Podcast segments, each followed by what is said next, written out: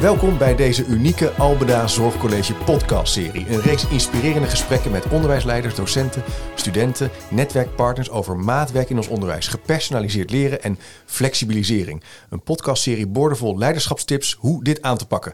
Ik ben Chip de Jong en leuk dat je luistert naar de eerste aflevering. Nou, de gast in deze aflevering is, ja, ik laat je toch even zelf voorstellen, dat is denk ik wel het leukst. We hebben al heel uh, interessant gesproken over onder andere ja, uh, een restaurant uh, metafoor, de afhaal Chinees. Anita, wil jij misschien beginnen? ja, dat wil ik. Ik ben Anita Sok, ben onderwijsleider van dienstverlening Helpende Zorg en Welzijn op de Alexanderlaan bij het Albeda. En ik werk 15 jaar bij Albeda en um, nou, wat ik leuk vind aan nu het gepersonaliseerd leren is ook gewoon het, de experimenten, de, de nieuwsgierigheid. Uh, op zoek van wat werkt nou voor onze studenten? Wat, waar, passen we, waar passen we nou goed bij elkaar? Um, en hoe zorgen we nou dat ze een beetje ja, met een goede basis die maatschappij ingaan of verder het beroep in? Dankjewel. Um, mijn naam is uh, Arash Shakibai. Ik ben uh, onderwijsleider in uh, Vlaardingen op de lo locatie Buisbrotlaan. Uh, voor de opleidingen maatschappelijke zorg niveau 3, 4 en um, uh, dienstverlening niveau 2. Ja, en, en, Anita zegt het al, de, de nieuwsgierigheid. De, voor mij is het de kans om uh, opnieuw te starten. Ik vind dat altijd het, het, leukste. Omdat ja. je dan um, even alles van tafel kan gooien. hypothetisch dan. En met elkaar kan bedenken wat kan er anders, wat kan beter. Um, wat moet blijven en, en wat mag weg. Um, nou, dat vind ik het interessantste als het gaat om uh, denken over wat de student nodig heeft en hoe je nou ja, van uh, A tot Z komt. En uiteindelijk om uh, kennis en een diploma te overhandigen.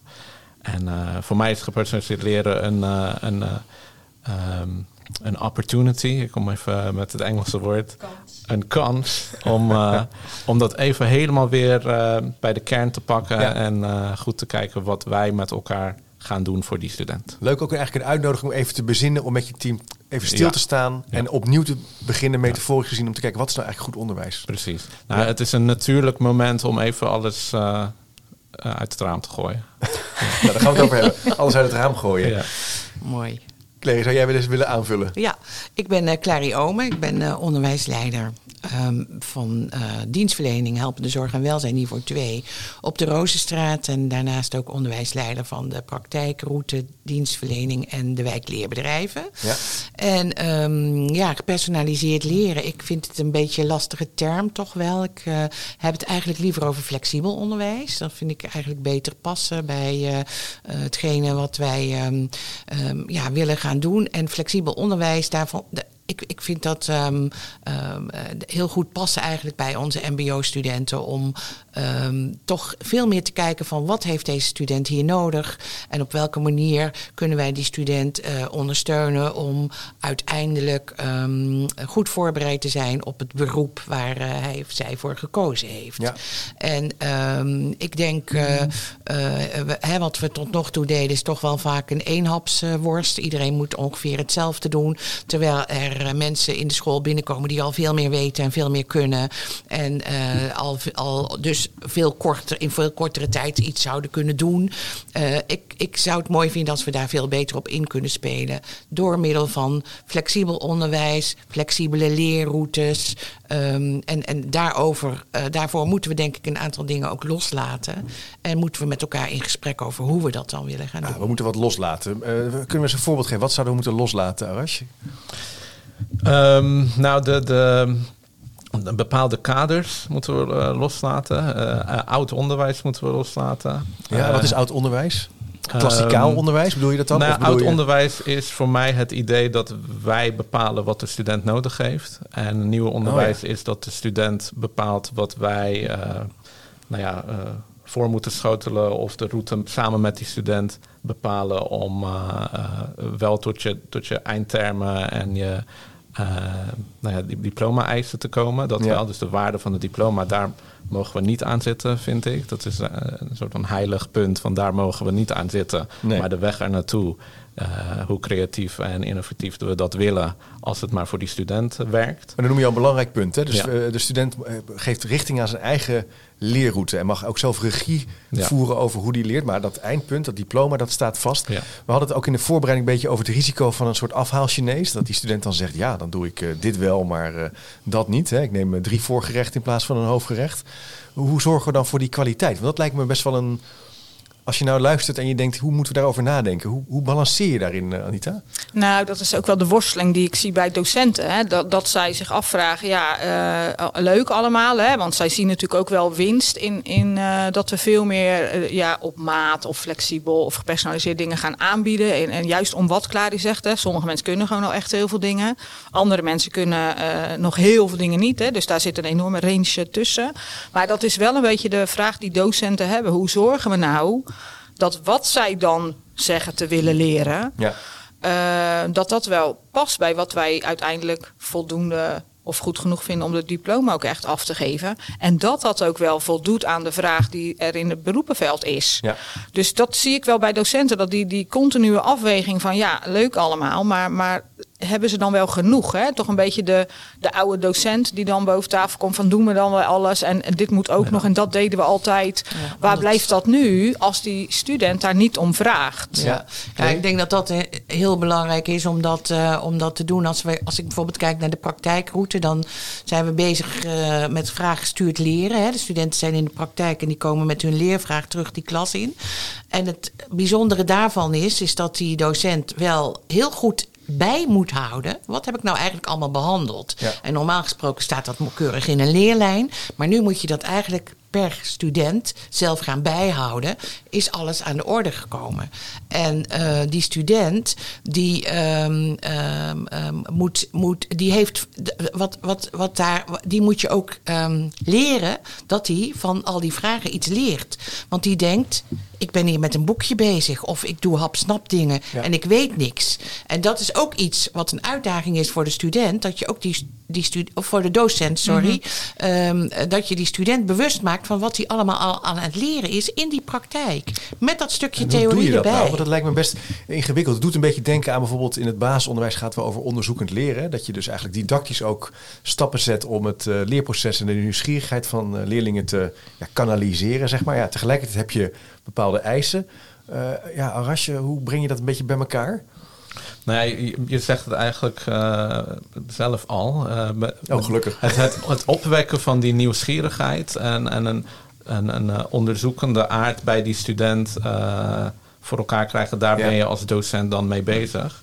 En um, ik denk dat het ook heel belangrijk is om um, gepersonaliseerd leren niet te zien als de student bepaalt alles. Want uiteindelijk zijn de docenten de professionals en, uh, en, en samen met de student um, maak je die routekaart, om het maar even ja, zo te ja, Dus het is eigenlijk heel belangrijk om die ja. docentprofessionaliteit centraal te stellen. Precies. Als je nadenkt over flexibilisering van je onderwijs of gepersonaliseerd leren. Dat gaat eigenlijk vooral dus over, over die wisselwerking.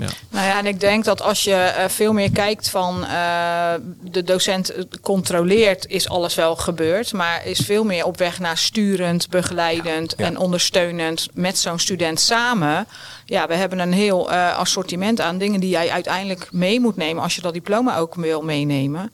Welke uh, dingen hebben we allemaal al in kaart? Hoe wil je dat dan gaan doen? Ja. En wat heb je daarvoor nodig? Hè? Dat, dat dat veel meer ook. Ja, we beginnen met dat aan de hand nemen. En vervolgens wordt die, ja. die afstand tussen jou en de doos en de student, hè, docent-student, wordt, wordt wat groter. Omdat je moet ze ook leren hmm. loslaten en erop durven vertrouwen. En dat moet je ze dus meenemen, meegeven en leren wat is daarvoor nodig? Dat ja. zo'n student dat ook daadwerkelijk kan. Ja. En dan moeten ook altijd eikpunten blijven. Ja, precies. Er moeten gestructureerde eikpunten zijn vanuit die rol van, van wat er nodig is en vanuit die basis. En hoe je dan vervolgens met die student samen gaat doorontwikkelen. En Rasja ja. staat te popelen om daar wat over te zeggen. Nou ja, omdat uh, uh, Anita en jij ook het, het, hebben over kunnen. Wat kan de student? En ja. ik merk dat uh, in gesprekken met docenten, maar ook met collega's, um, dat er vaak gedacht wordt dat gepersonaliseerd leren betekent dat um, de student al heel zelfstandig moet kunnen zijn. Um, maar dat is het juist niet. Um, Oké. Okay. en ik denk ook dat het fijn is om in, in een van deze eerste podcasts dat al gelijk duidelijk te ja. maken. Want heel veel collega's zeggen tegen mij ja, maar als, als het allemaal zo coachend en zelfstandig en eigen verantwoordelijkheid. Dat, eh, dat kunnen mijn studenten niet. Dat kan onze doelgroep niet. Gepersonaliseerd leren is, is voor mij juist zo mooi, omdat je ook voor die studenten een eigen traject maakt. Ja, dus het ja. wil niet zeggen dat alles maar flexibel en alles maar zelfstandig uh, meer moet op, gebeuren. op weg naar zelfstandigheid. Precies, het is op weg naar zelfstandigheid en het zou ook kunnen betekenen dat misschien heb je een doelgroep waarbij je anderhalf jaar eh, iets aanbiedt wat vergelijkbaar is met Ja. oud onderwijs, om Ja. het eh, zo te noemen. Ja, dus je hoeft niet, dit is dus een ander belangrijk punt wat je noemt. Je hoeft niet meteen alles overboord te gooien. Je kan best nog in een klas zitten Ja. en gewoon een goede les geven. Je kan best ook nog eh, een toets afnemen. Maar het gaat erover meer naar die studenten kijken, meer luisteren, meer Precies. meebewegen met Ja. de nieuwsgierigheid van, van waar die zelf staat. Nou is het in dit, in dit traject ook, hè, dit jaar zijn we ook bezig met ja, experimenten, met ideeën om die in de praktijk ten uitvoering te brengen. Als ik jullie nou eens vraag, waar zijn jullie dan mee bezig nu als het gaat over deze grote beweging? Grote beweging klein in de praktijk brengen. Wat zijn de initiatieven waar jullie nu momenteel aan werken? Misschien kunnen we tot slot daar nog even van jullie horen. Anita, wat is iets waar jij nu met je team... eh, Nou, wij zijn eigenlijk al wat eerder begonnen. Dat heeft zijn, zijn eh, bodem in de, in de eh, coronatijd gehad. Waarin we gewoon ja, toch heel veel los moesten laten van wat we gewend waren. Iedereen is op school en we zitten allemaal in de klas en we zijn allemaal ook bezig. Naar, oh, het is thuis, het is op afstand. Oh, oh, dat kunnen sommigen dus gewoon ook als er een duidelijke instructie is. Oh, oké. Ehm, en we hadden altijd al een versnelde route waarin mensen... ehm, van tevoren konden aangeven, nou volgens mij kan ik het in één jaar. En toen hebben we dat eigenlijk een beetje samengebracht. Zo van, nou ja, laten we dat vertrouwen hebben dat iedereen in principe eh, dat zou kunnen laten zien. Ja. En daar hebben we ze nu tien weken voor gegeven. De eerste tien weken van het schooljaar hebben zij eh, tien weken de tijd om te laten zien. Nou, dat heb ik in mij. Eh, en daar zitten een aantal criteria natuurlijk aan vast. En dat levert ook wel op dat meer mensen in één jaar ook die opleiding kunnen halen. Kijk, versnellen.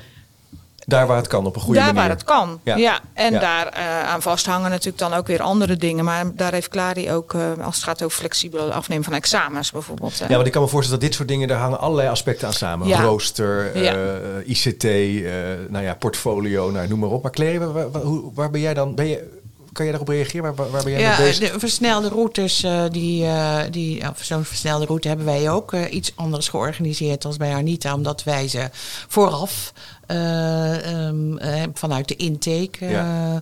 eh, al eh, zeggen van, goh, wij denken dat jij eh, geschikt bent om in een, versnel, in een versnellingsklas te komen en eh, we willen eigenlijk dat je dan in de zomervakantie al een portfolio gaat maken. Dus je moet er ook iets voor doen om erin te komen.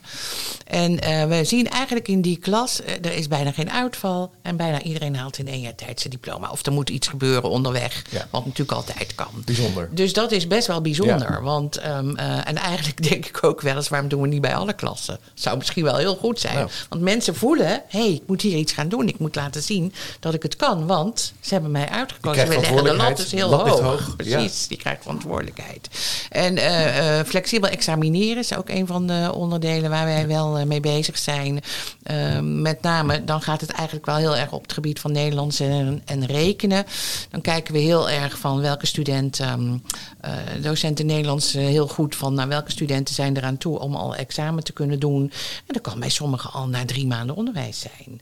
Dus als ze in het eerste jaar starten, kunnen ze soms na drie maanden al het examen Nederlands doen, omdat ze al gewoon dat 2F-niveau Mooi. onder de knie hebben. Dat geeft studenten een boost. Hè? Zo van wauw, dat heb ik al afgesloten, die heb ik binnen. En we zijn, we zijn nog niet zo goed in dan verder gaan met het volgende niveau. Omdat dat ook niet altijd dan weer te maken heeft met de systemen en de Ja. licentie. Ja. En de, Oh ja. nou ja, de problemen die daaraan gekoppeld zijn. Maar dat zouden we eigenlijk ook wel heel graag willen. Dat is de next dat level dat ook weer de doorstromen bevordert. ja. Dus misschien nog, nog, nog meer door gaan ontwikkelen om die flexibilisering van ook examinering ook eh, in de praktijk te brengen. Met succesvolle resultaten. En Arash, waar ben jij mee bezig? Nou, Ik zag- ik zie je hard mee- ja bij- ja, Met, met dezelfde zaken en, en heel veel concrete eh, eh, dingen. Maar ook, ehm, ook met het visie vormen binnen het team. Ja. Ehm, dat is dan misschien iets, iets abstracter en eh, minder concreet. Maar dat is wel heel belangrijk om met je team eh, aan de slag te gaan. Van wat, wat verstaan we eronder? En of het nou gaat om versnellen of gepersonaliseerd leren of flexibel. Ehm, we moeten het met elkaar eens worden over een aantal zaken omdat je ziet dat iedereen toch wel een andere interpretatie heeft van een woord. Dus Heel belangrijk punt. Heel belangrijk om daar met elkaar goed in gesprek eh, over te zijn. En wat, wat eh Clary aangeeft, ja, we zitten nu eigenlijk wel binnen een, een, een oud systeem, zijn we nieuwe dingen aan het proberen, waardoor het vaak schuurt. Dus dat zijn de uitdagingen waar we nu uh, mee aan de slag moeten. Ja. Jouw voorbeeld is daarin heel simpel. De uitdaging is, wat doe je dan met die student die al klaar is? Je wil juist dat uh, hij of zij een niveautje hoger kan, zodat zijn ontwikkeling niet stagneert. Of dat hij dat hij nou ja, kijk, uh, elke student zal zeggen van, nou ja, dan heb ik een tussenuur of ben ik eerder uit, lekker vrije tijd. maar vanuit onze professionaliteit weten we dat het beter is voor die student om ja. op een hoger niveau door te gaan. Ja. Hey Arasje, ja. de tijd zit erop voor de eerste podcast. Ik stel voor dat we door gaan praten in deel 2 over hoe je dat gesprek eigenlijk met je team gaat voeren. Dat lijkt me een heel wezenlijk punt waar we wat uitgebreider op nog kunnen ingaan. Dus blijf luisteren naar een nieuwe aflevering.